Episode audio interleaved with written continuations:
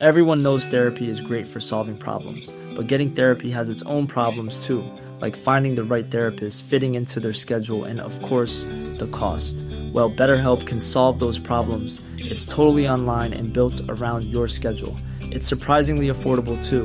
Connect with a credentialed therapist by phone, video, or online chat, all from the comfort of your home.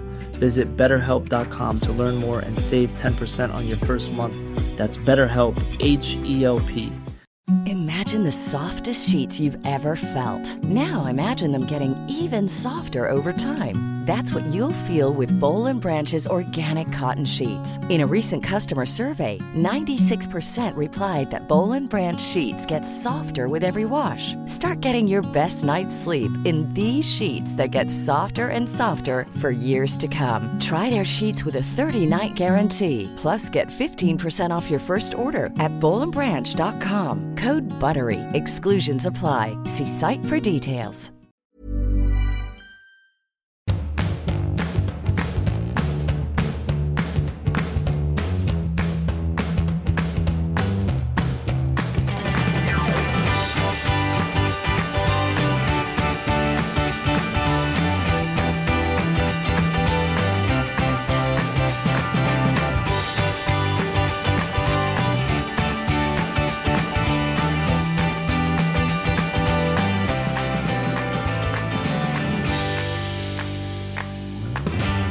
Hej och välkommen till Lillelördag.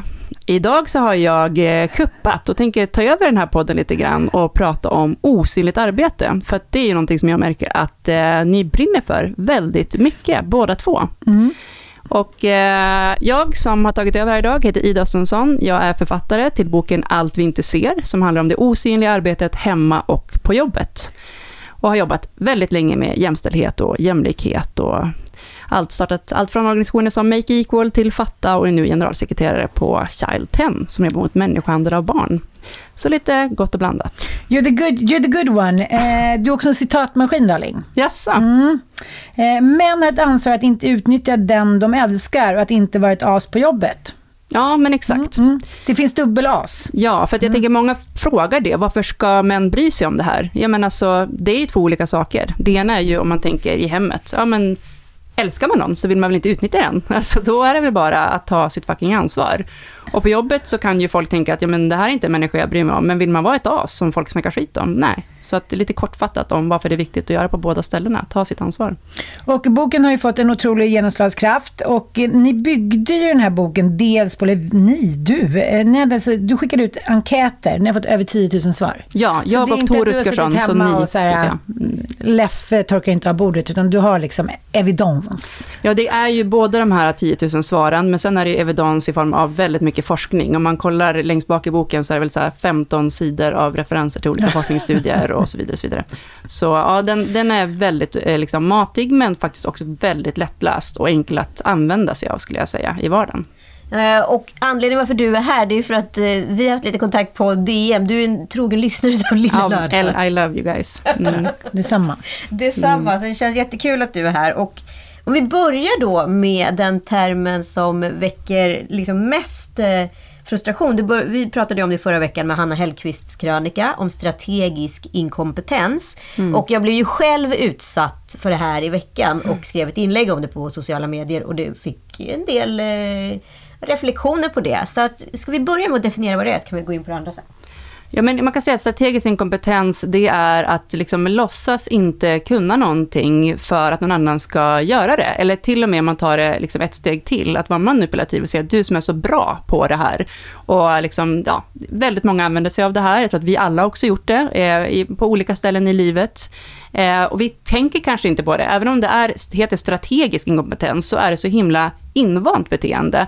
Men man kan ju märka att män gör det här väldigt mycket mer i saker där generationens jämställdhet inte har kommit ikapp. Att man tänker att det här är, jag är en jämställd man, men det här är nu ändå kvinnans roll. Så att du är väl bättre på, ja men barnet illa sig, följ med till sjukhuset du, och det här med salvor, jag vet inte riktigt. Alltså medan vi kvinnor tänker att det här är ju vårt ansvar, så vi googlar upp och kollar vilken salva ska det vara till det här barnet, eller vad det nu är. Och sen kanske kvinnor använder det på andra ställen som är mer eh, liksom, eh, könsstereotyp manliga. Ekonomi, eh, byggprojekt. Eh, hur är det nu? Är det så svårt egentligen att lära sig en slagborr och så vidare? Men någonting som har gått upp för mig eh, senaste tiden, de senaste åren, är dels eh, du är bättre på det här, men nu har det nya kommit till du som tycker det här är så kul. Ja men exakt, mm. den är också väldigt vanlig. Jättekul att planera liksom ett kalas för, för 20 galna ungar. Eh, dels kul och dels, du, du är bättre på det. Mm. Eh, varför är jag då bättre på det? Men nu har jag fått ett annat svar som också är, jag märker att alla tycker att du är bättre och härligare när du gör saker, så därför har jag tagit ett eh, medvetet strategiskt steg tillbaka. Mm. So you can shine baby. Bara, och, och, kanske är det så att you shine bättre också, men om människor liksom, om man på riktigt vill, för helt plötsligt så är kvinnan bättre på allt. Ja, och så gör vi allt. Menar. Det är väl väldigt många kvinnor som går runt och tror det just nu, att de är så super queens. Så ja, att, och, och, det blir ju inte bra för någon i nej, slutändan. Nej, verkligen inte. Det är en loser-position. Ja, men det är en lose-lose position skulle jag säga, eh, på olika sätt för båda. För att så här, varför ska man göra det här då? Jo, men kvinnor löper 41% större risk att drabbas av stressrelaterad psykisk ohälsa. Ekonomiskt går det åt helvete för oss, för vi jobbar alltså 5-6 timmar mer, vi har 5-6 mer obetalt eh, hemarbete i veckan. Per och på dag, jobbet, nej, men alltså, och det ska säga att det är nog eh, eh lite eh, underkant på hur jag man har mätt och så vidare. Ja. Men sen kan man lägga till då att det är 200 timmar mer per år, alltså upp till en månad som vi gör det eh, på jobbet, på eh, osynliga icke-meriterande arbetsuppgifter. Du menar typ som att fylla på kopiatorn och, och säga så här, din mamma diskar inte här och sådana saker? Ja, men inte bara, utan det handlar också om arbetsuppgifter som får män att, alltså det handlar om så här, saker som gynnar företaget, organisationen du jobbar på, men som inte ingår i din faktiska arbetsbeskrivning, som ofta görs i skymundan och skulle kunna göras av vem som helst. Så det kan mm. vara, vem är det som får på sig att skola in den nya personalen? Mm. Vem är det som är den som förbereder den här planeringen till vårfesten, för du gjorde det så himla bra sist, you shined baby, kan du göra det i år igen liksom? Men man tar inte bort övriga arbetsuppgifter och det du faktiskt är anställd för. Eh, så att det, eller förbereda den här powerpoint-presentationen till mannen som sen får stå och skina, eller ta mötesanteckningar, eller fixa liksom, inmöteslänk till alla som ska vara med och så vidare. Det är ju det här någonting som eh, man blir invaggad i, i en relation. Vi har ju pratat om det här, varför funkar eh, sol och vårare? Tindersvindlaren. Jag gav honom 600 000 för jag fick en, en kyss när han typ stod och rökte samtidigt. Alltså att vi är så, vi är så utsvultna på att få uppskattning för vi är så jävla tagna för givet. Mm. Och det finns ju den här stora undersökningen som också kommer från 90-talet att det är en asymmetrisk kärlek. Mm. Att männen fattar inte hur mycket vi gör för att gogga. Så jättemycket, här får du en liten mm. liksom, kaffekopp. När han på dåligt humör får han spela golf. Så blir det bra, sen får han ligga. Mm. Pliktighetsknullet, bla bla bla. Så att när männen då sen blir lämnade så mm. hamnar de själva i en fet chock. Ja, och det är det som är, liksom, som jag var inne på, alltså lose-lose situationen. För kvinnor blir utbrända, vi tjänar massa mindre pengar, vi tar också huvudansvar för allt som har med föräldraledighet, vab, alltså de där siffrorna, det är liksom otroligt. Jag har gått igenom i boken på alla nivåer. Alltså det, det skiljer 6 miljoner i livsinkomst mellan män och kvinnor på grund av det här. Liksom. Medan män då förlorar ju på, men de har ju inget socialt liksom, nätverk efteråt. Barnen vill inte hänga med dem när de växer Nej. upp, för det är inte de som har stått där och shinat på de där barnkalasen och smörjt de där salverna, haft de där jobbiga samtalen. Så män sitter där med liksom mycket pengar på banken, men fett ensamma och deprimerade. De har liksom högre statistik i suicid, i missbruk, i ensamhet, var femte man saknar en nära vän, eh, hemlöshet. Alltså det, vi vet ju att, så här, att ha nära relationer är något av det viktigaste som finns för den mentala hälsan. Så vi förlorar alla på det, men på olika sätt. Antingen så sitter man med massa vänner utan cash, eller med massa cash mm. utan vänner. Typ. I, mean, I want it both. ja, men, och det ska vi få också. Men jag tänker på... Men jag tänker på, för att det som man ofta pratar om i jobbsammanhang är det här med passionen. Mm. Att kvinnor är så passionerade på jobbet och de älskar att driva saker och de gör grejer och så här. Den här passionen får ju kvinnor ytterst sällan betalt för, men det får mm. ju ofta männen. Ja. Och jag märker själv så många gånger att jag tänker så här, ja men jag behöver inte ha så mycket luft i min ballong för att den ska fyllas, jag är så nöjd ändå. Mm. Och jag mm. tror att den här känslan kan vara liksom en trygghet för mig, mm. men borde inte vara det. Hur ska jag tänka istället? Nej, men eh, först vill jag säga, det som du var inne på tidigare och även i ditt eh, inlägg om att du gjorde de här sakerna, som fick du skit när det inte funkade. Alltså det är väl vår definition av osynligt arbete. Att, vad är det? Jo, men det är allt som syns när det inte görs. Det är då man märker det. Eller en annan beskrivning, det är allt som får ett hem eller en arbetsplats att fungera och vara trivsam att vara i. Och de två sakerna är ju liksom, man kan prata om det som skitgöra, men det är ju inte det. Det är ju typ det viktigaste som finns. Och ser man på arbetsplatser så visar det sig, för då kan man säga, men det är bara kvinnor kan vi sluta koka kaffe och fixa de där jävla möteslänkarna, bara säg nej. Mm. Men då visar det sig att när kvinnor säger nej så drabbas vi också. Alltså både med liksom lön och förmåner, men vi blir också mindre omtyckta eh, mm. av våra kollegor, för att det här förväntas av oss. Medan när män då går in och gör dem på jobbet, jag tänker att det är exakt samma hemma, ni vet ju liksom pappor som är föräldralediga, hoho, då så blir de mer omtyckta. Eh, så att om vi inte blir liksom varse om att det här, så här ser det ut. Så här ser statistiken ut. Kvinnor gör mer, kvinnor får skit när man inte gör det och män blir hyllade när de väl gör det. Det måste vara grundplattan i vår relation och på våra arbetsplatser. Vi har försökt göra det ganska enkelt. Vi har tagit fram den här osynligtarbete.se. Jag såg att du scrollade i den här innan, mm. Anna, att du bara, åh vad fan, liksom. Och där har vi också varit hundratals människor som varit med och liksom skrivit upp, alla får tipsa, vad finns det för osynligt arbete hemma och på jobbet? Och jag tror att det är först när man ser allt det där som man förstår, varför har man ingen passion efter klockan nio, men upp till nio har man så jävla mycket passion? Jo, för att man är helt fucking slut. Och det är väl också en anledning till, alltså kanske en partner sitter där, manliga partner i soffan och bara, ja men vad fan, ska du däcka med barn igen? Vi skulle se den här serien eller vi skulle knulla. Och så bara, mm. men jag orkar inte knulla, eller jag vill inte knulla med någon som jag typ står och lagar mat och torkar rumpan på varje dag. Nej, men och sen, eh, Dammsugarkåt, var det inte, eh, det myntades ju av eh, Katarina Janouch. Ja. Kommer hem och det är nydammsuget, you can stop it in. Ja. Man kräver inte så mycket. Nej. Men det är ju också intressant för att, eh, du pratade om i en annan podd som jag haft med Herc här, eh, om liksom, de kvinnliga liksom, hormon nivåerna versus mm. testosteron. Hela mm. samhället är egentligen byggt på mannens testosteronnivåer. Men, männen är ju rätt slow-startade på morgonen och sen på kvällen, då börjar de pika. Då är det mm. after work och då ska det vara mm. kvällsarbete. Det ska vara allt det där. Och, och sen ska man kolla på en serie klockan 23 på kvällen och så gå och lägga sig vid, vid ett på natten. Under tiden kvinnorna då, vi, vi våra liksom nivåer är som högst på morgonen och sen mm. så ju längre det blir på kvällen falnar de. Mm. Eh, och det är ju sånt som man inte heller definierar som eh, att det finns en, liksom, här finns det en otrolig skärningspunkt vid kanske fyra. Där vi mm. kanske möts enda timmen på dagen. Sen är det liksom inget mer. Nu ska vi knulla bruden! Ja.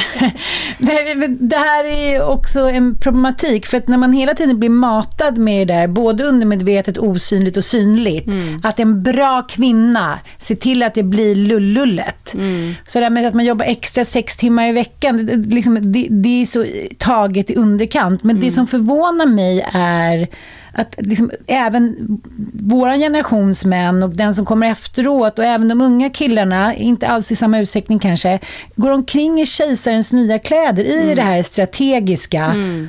Och så ser de liksom sina kvinnor bli utslitna. Jaha, nu är du en tjejkompis till mig, hon är separerat nu.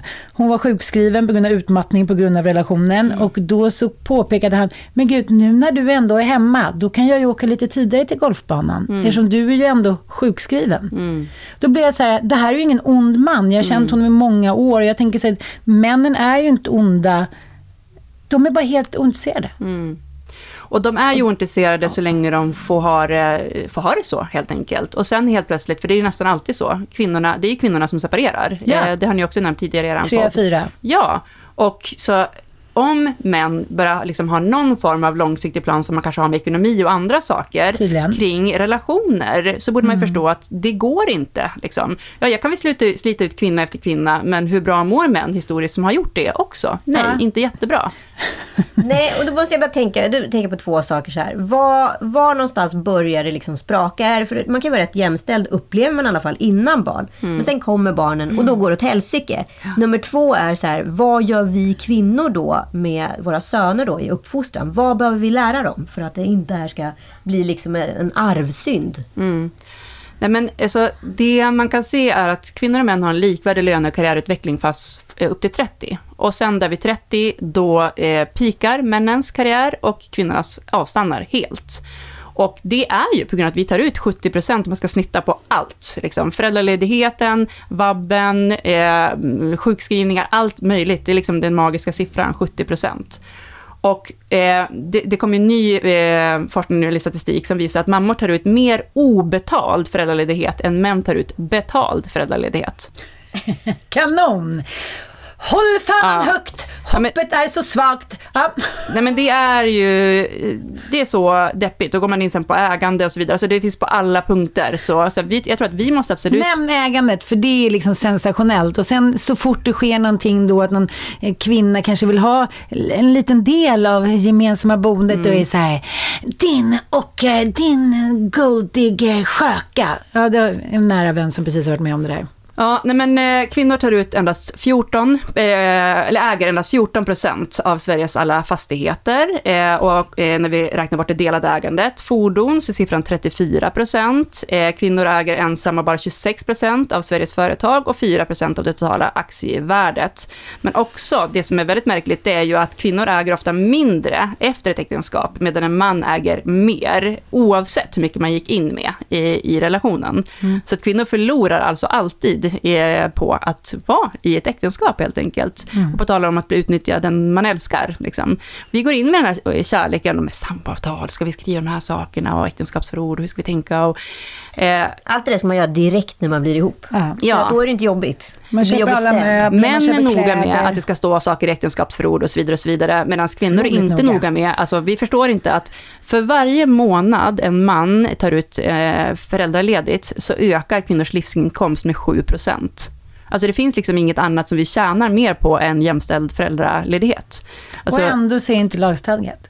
Nej, det är ju faktiskt katastrof. Och det här alltså jag hade så många människor som skrev DM till mig att så här, jag är så provocerad över att det är de här tre månaderna som han måste ta, för att han kan inte, ni vet ju det här dubbla, ja, att när män äger företag eller pluggar eller Han chef. kan då- inte, det har hans chef Nej. sagt. Ja, Vem är eller hans han är chef? chef, så han får bestämma, men han, han, kan, liksom, han måste ändå, han är så viktig på sitt jobb, medan så här, kvinnor som är chef eller pluggar eller har eget företag, de får välja själv, så de kan ta ut hela föräldraledigheten. Det är de här dubbla måttstockarna hela tiden. Liksom. Ja, Eh, hur mycket är det kvinnor då förlorar i, som då tar ut eh, ja, men, vad ska jag säga, 80% av eh, föräldraledigheten? Vad förlorar man då i slutändan av livet? Det är rätt mycket. Ja, men 6 miljoner som vi var inne på tidigare. Alltså det skiljer 6 miljoner livsinkomst. Och jag tror att vi måste också vara, liksom, jag brukar säga det, att skulle jag börja dejta och inte och vilja ha barn, alltså idag, då skulle jag fråga tre saker. Det ena är, hur tänker du kring föräldraledigheten? Hur tänker du kring ekonomi? Vill du ha liksom gemensam ekonomi, eller hur tänker du kring det? Och tre, hur vill du ha, vilken nivå vill du ha ditt hem på och vad tänker du ta för ansvar i det? För den märker man så tydligt att så här, om du vill ha det, det är på tal om den här strategiska inkompetensen också, men om du vill ha det så här städat, då får ju du hålla den nivån. Jag kan ju tänka mig att ha det så här skitigt, liksom. Så det är ditt ansvar. Om du, Alltså- det jag tycker det kommer, återkommer i allting. Middagar, barnkalas. Ja. Mm. Ja. men om du vill att det ska, Nej men då tittar vi och dricker en halv burk öl då och äter eh, ett gammalt popcorn som vi hittade på golvet. Mm. Det är hela tiden och jag känner även om jag tycker att man har verktyg och liksom är påläst hit och dit så är det någonting i min liksom, moderskap, min kvinnlighet. Alla män jag har levt med vet precis vilka akilleshälar jag har. Det är när de framställer mig som en dålig mamma eller dålig kvinna. Då är det så här, okej, mm, då faller jag till föga. Ja, och vart ligger ansvaret i det här? Jag skulle säga att så här, vi har också ett kapitel i boken som heter Backa kvinnor, som du och Sanna var inne lite grann på runt julas, när ni bara så här, vad helvete håller kvinnor på med? Och, och så är det ju också. Någonstans måste vi också se att de äldre kvinnorna som har kollat på de här listorna, de är så här, eh, alltså allt finns kvar från vår tid, men ni har lagt till 3000 procent. vad vill ni vara för jävla med hela Instagram-morsa-grejen liksom? Vi måste ju också tagga ner och se, så här, vad behöver vi? Vad mår bra? Vad vill våra barn egentligen ha? Oh. Och sen mötas i samtal med män. Alltså okej, vi bestämmer att det här är nivån vi vill ha i vårt hem, det här är nivån vi vill ha på våra semestrar eller i vårt liv överlag. Där, och bestämmer vi det, då, där är det 50-50 sen. Sen behöver det inte vara samma saker, för det tror många att vi förespråkar, eller att jämställdhet handlar om, att vi ska göra varannan gång ska du göra det, varannan gång ska jag göra det. Alltså nej, man tycker olika saker är roligt och olika fallenhet för saker. Men det kan inte jämföras med det här klassiska som mina föräldrar bara, men pappa hugger ved och byter däck på bilen och så bara, och du lagar mat och städar varje dag. fälla, liksom då gjorde ju faktiskt många män det. Men idag gör ju inte Lämnar man in bilen på det. service och har ingen ved att säga, Det är som hugga. lose-lose situation. Vi, säger, vi fortsätter att lägga till Ja, det- 300 punkter som de sa. Ja. Men, men på 80-talet kunde man ändå leva på en lön om man ville och mannen eh, på grund av så här moraliskt eller tryck från byn, radhuslängan, bla bla, Mm. inte var en douchebag. Ja, vet du fan om man inte var en douchebag då. Men Ja, men de, de, det var i alla fall synligt sett. Nu är det Ja. mer så här, oh, kärringarna, vet fan vad det ska vara liksom kittat och klart. Vi går och tar en bärs så länge, så får de hålla på. Tycker de är roligt. Mm. Ja, nej men jag tror inte att det har blivit liksom sämre. Alltså sen kan man ju såklart se, när man håller på att stressa ihjäl, så jobbar dubbelt hemma och på jobbet, att man var så här, fuck, jag vill bara vara hemmafru och åtminstone inte behöva jobba. Men där är du också låst, så lever du i en våldsam eller liksom psykiskt våldsam eller whatever, liksom, relation, så kunde du verkligen inte lämna. På ett annat nej. sätt kan vi det, även om vi inte har råd med den exakta storleken på lägenheten och så vidare. För att det visar ju också att män har ju råd att upprätthålla samma typ av standard. Det har inte kvinnor på grund av det här ekonomiska. Så det är klart att vi har kommit framåt på många sätt.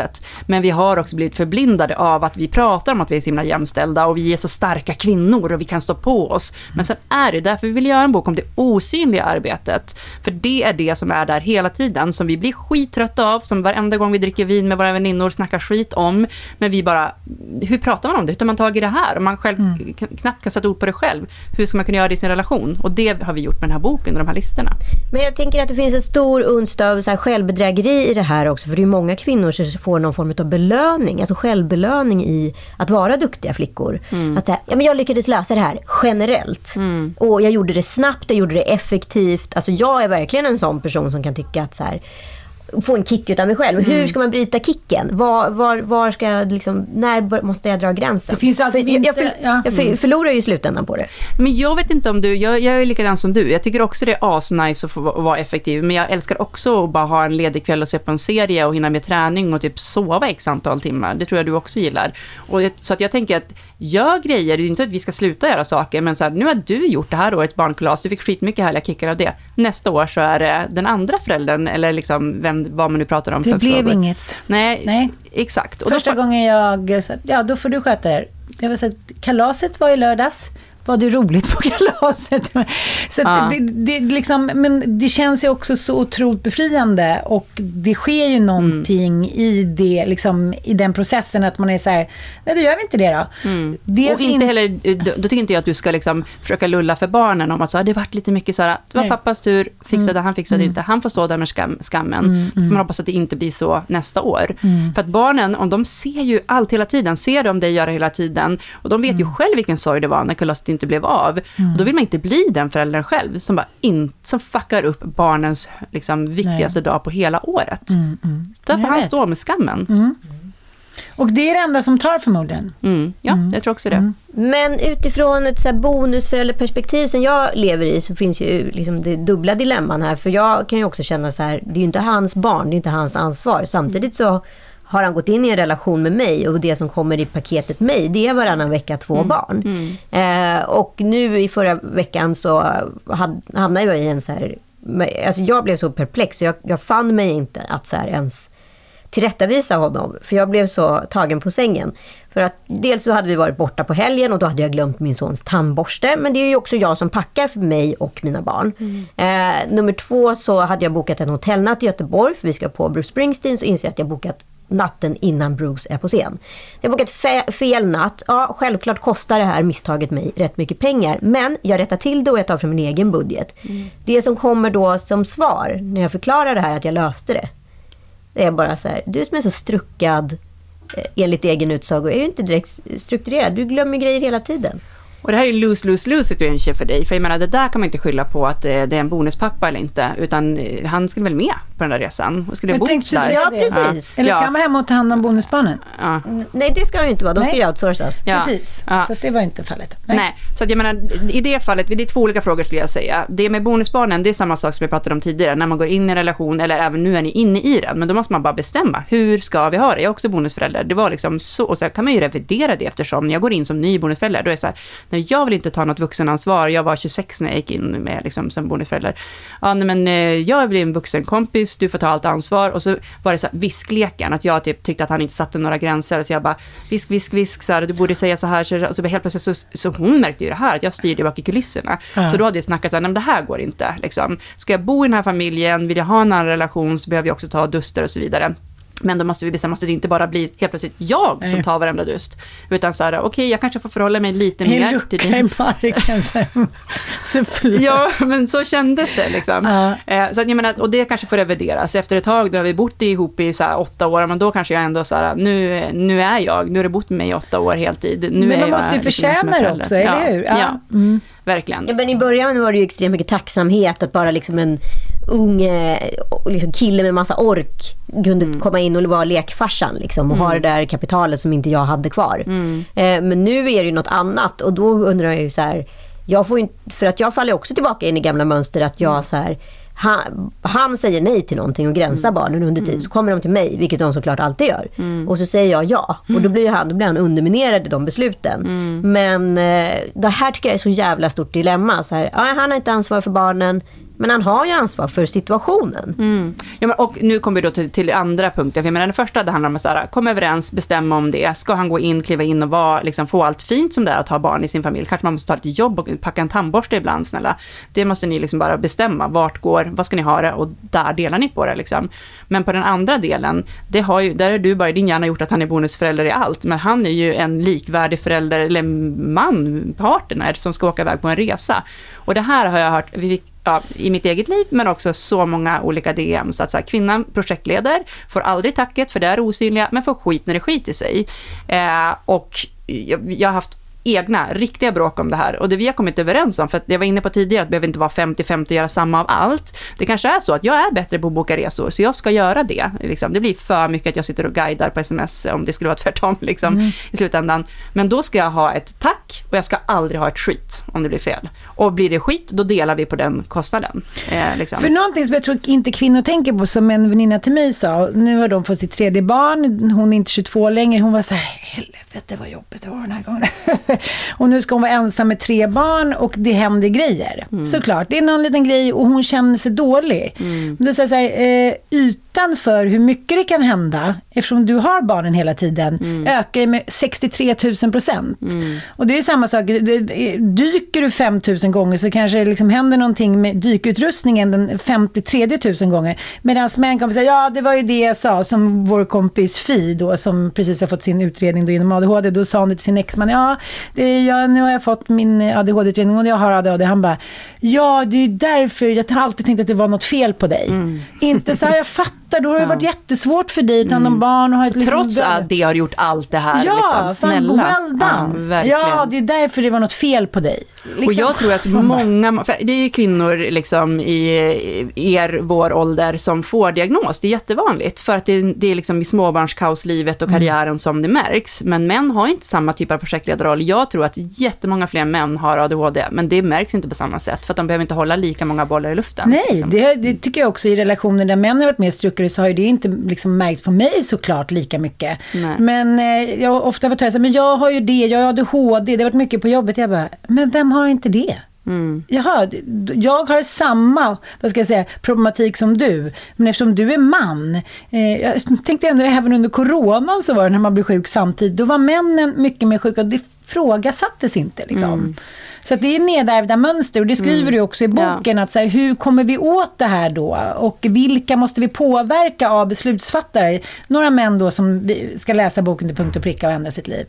Ja, det är alltid så att vem kommer läsa den här boken? Det kommer vara kvinnor igen. Så här, ja, alltså jag är inte dum. Jag tror absolut att det kommer vara kvinnor som köper boken. Men exakt som du gjorde, bara skicka listan. Eh, lägg fram boken. Vill du leva med mig, läs den här fucking boken. Det här är, alltså det kommer ta slut i slutändan om du inte fattar och ser och får upp ögonen för det här. Här är forskningsbevisen. Så, så vi behöver projektleda kanske en grej till och lägga fram den jävla listan och hela boken. Ja. Men jag menar, när man väl har sett allt det här och fått liksom upp ögonen för det här, och det kan vara, alltså i boken, det är verkligen hardcore fakta kring, jag var inne på med, med ekonomi och föräldraledighet och vab. Men det är också såna enkla grejer, här, vem är det som dokumenterar vardagen och livet och sparar minnen för framtiden? Mm. Mamma Razzin, den nya paparazzin. Alltså vi har liksom, det är lite humor, lite roliga saker, men som ändå är det som betyder väldigt mycket för en eh, i livet också. Mm. Men om man bara kollar på kvinnligt och manligt mönster, eh, men exempelvis om jag spelar spel med, oavsett man jag levt med, så är det så här, alla vad heter det, spel som de vinner. Då, och, fi- se- de fyra segrarna, de kommer inte ihåg en förlust under tiden, även om jag vinner, så stör jag mig ändå på de där förlusterna, att jag sitter och analyserar de här misstagen.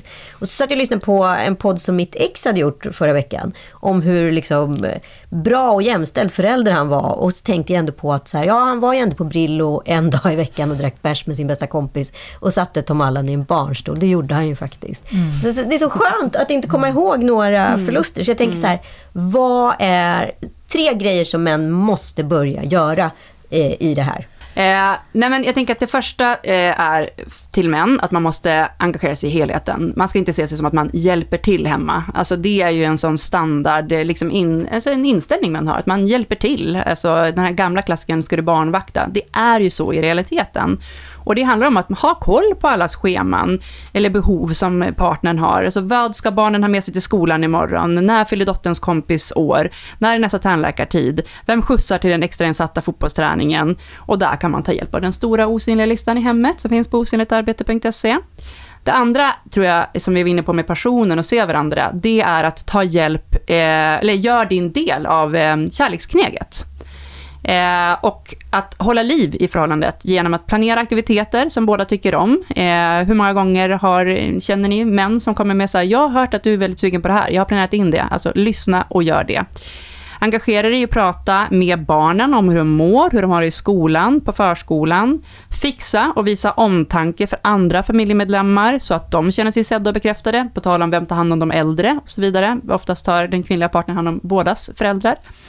Eh, och gör man det här för varandra så blir det lättare och man mår bättre. Och det sista, att se till att man någon gång har helt, vi brukar prata om provseparera, alltså att separera på låtsas innan det händer på riktigt. Ta två veckor, ta en vecka eller lång tid där, där man gör allt. Och är det svårt att inte lägga sig i då, så åk iväg som kvinna och låt mannen göra allt, allt, allt. Gärna i en ganska intensiv fas av eh, studenter eller födelsedagar eller vad det nu är för någonting. Så att man får se alla små saker som helt plötsligt bara, shit, det här har inte jag märkt att, behöver man göra så här varje dag? Helt plötsligt så har blommorna liksom torkat och man behöver liksom plocka ihop alla de här små strumporna och så vidare. Och så vidare. Så att det är mina tre tips till män. Eh, och jag ska bara säga, överlag, om man vill ta reda på vad, alltså vad är jämställdhet i, när man pratar om de här sakerna. Om man har lika mycket tid och pengar kvar efter det gemensamma är gjort och betalt, stå. där någonstans kan man börja mäta. Sen lite grann vem som gör vad. Det kan vara bra att inte sluta göra saker som är jätteviktiga efter man har separerat. Typ för mig, alltså jag slutade köra bil, det var inte jättebra. Då har jag börjat igen. Eller att man aldrig lagar mat, att man inte vet hur man lagar mat. Vissa saker kan vara ganska bra att kunna.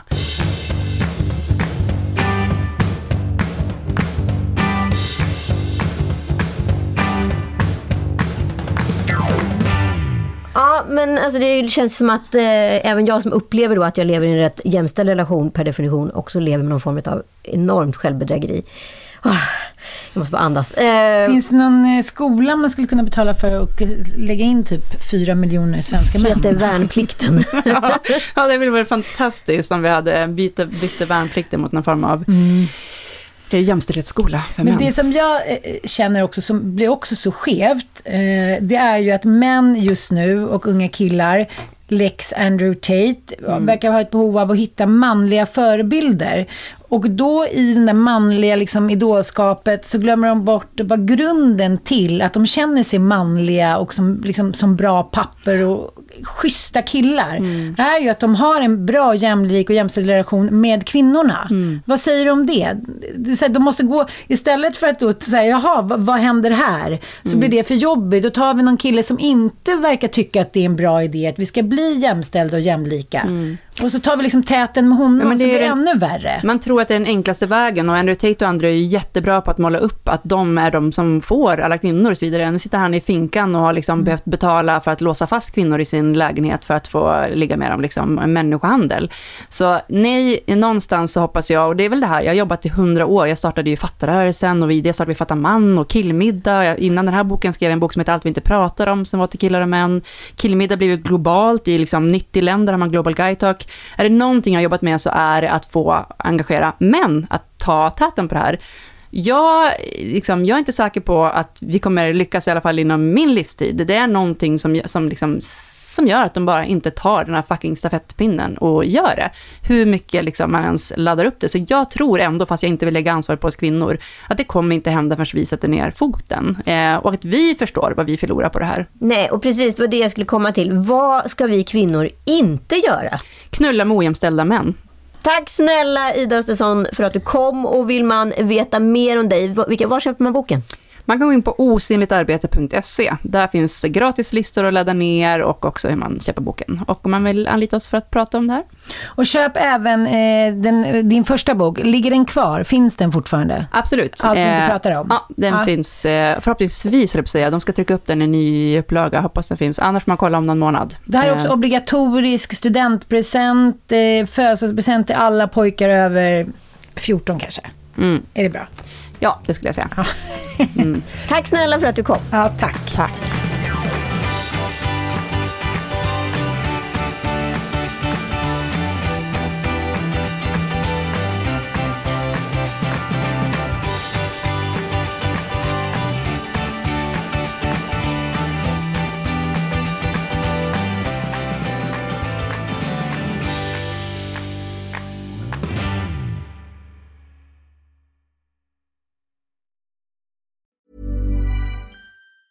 Planning for your next trip? Elevate your travel style with Quince. Quince has all the jet setting essentials you'll want for your next getaway, like European linen, premium luggage options, buttery soft Italian leather bags, and so much more. And is all priced at 50 to 80% less than similar brands. Plus, Quince only works with factories that use safe and ethical manufacturing practices. Pack your bags with high-quality essentials you'll be wearing for vacations to come with Quince. Go to quince.com slash pack for free shipping and 365-day returns. Imagine the softest sheets you've ever felt. Now imagine them getting even softer over time. That's what you'll feel with Bowl and Branch's organic cotton sheets. In a recent customer survey, 96% replied that Bowl and Branch sheets get softer with every wash. Start getting your best night's sleep in these sheets that get softer and softer for years to come. Try their sheets with a 30-night guarantee. Plus, get 15% off your first order at bowlandbranch.com. Code BUTTERY. Exclusions apply. See site for details.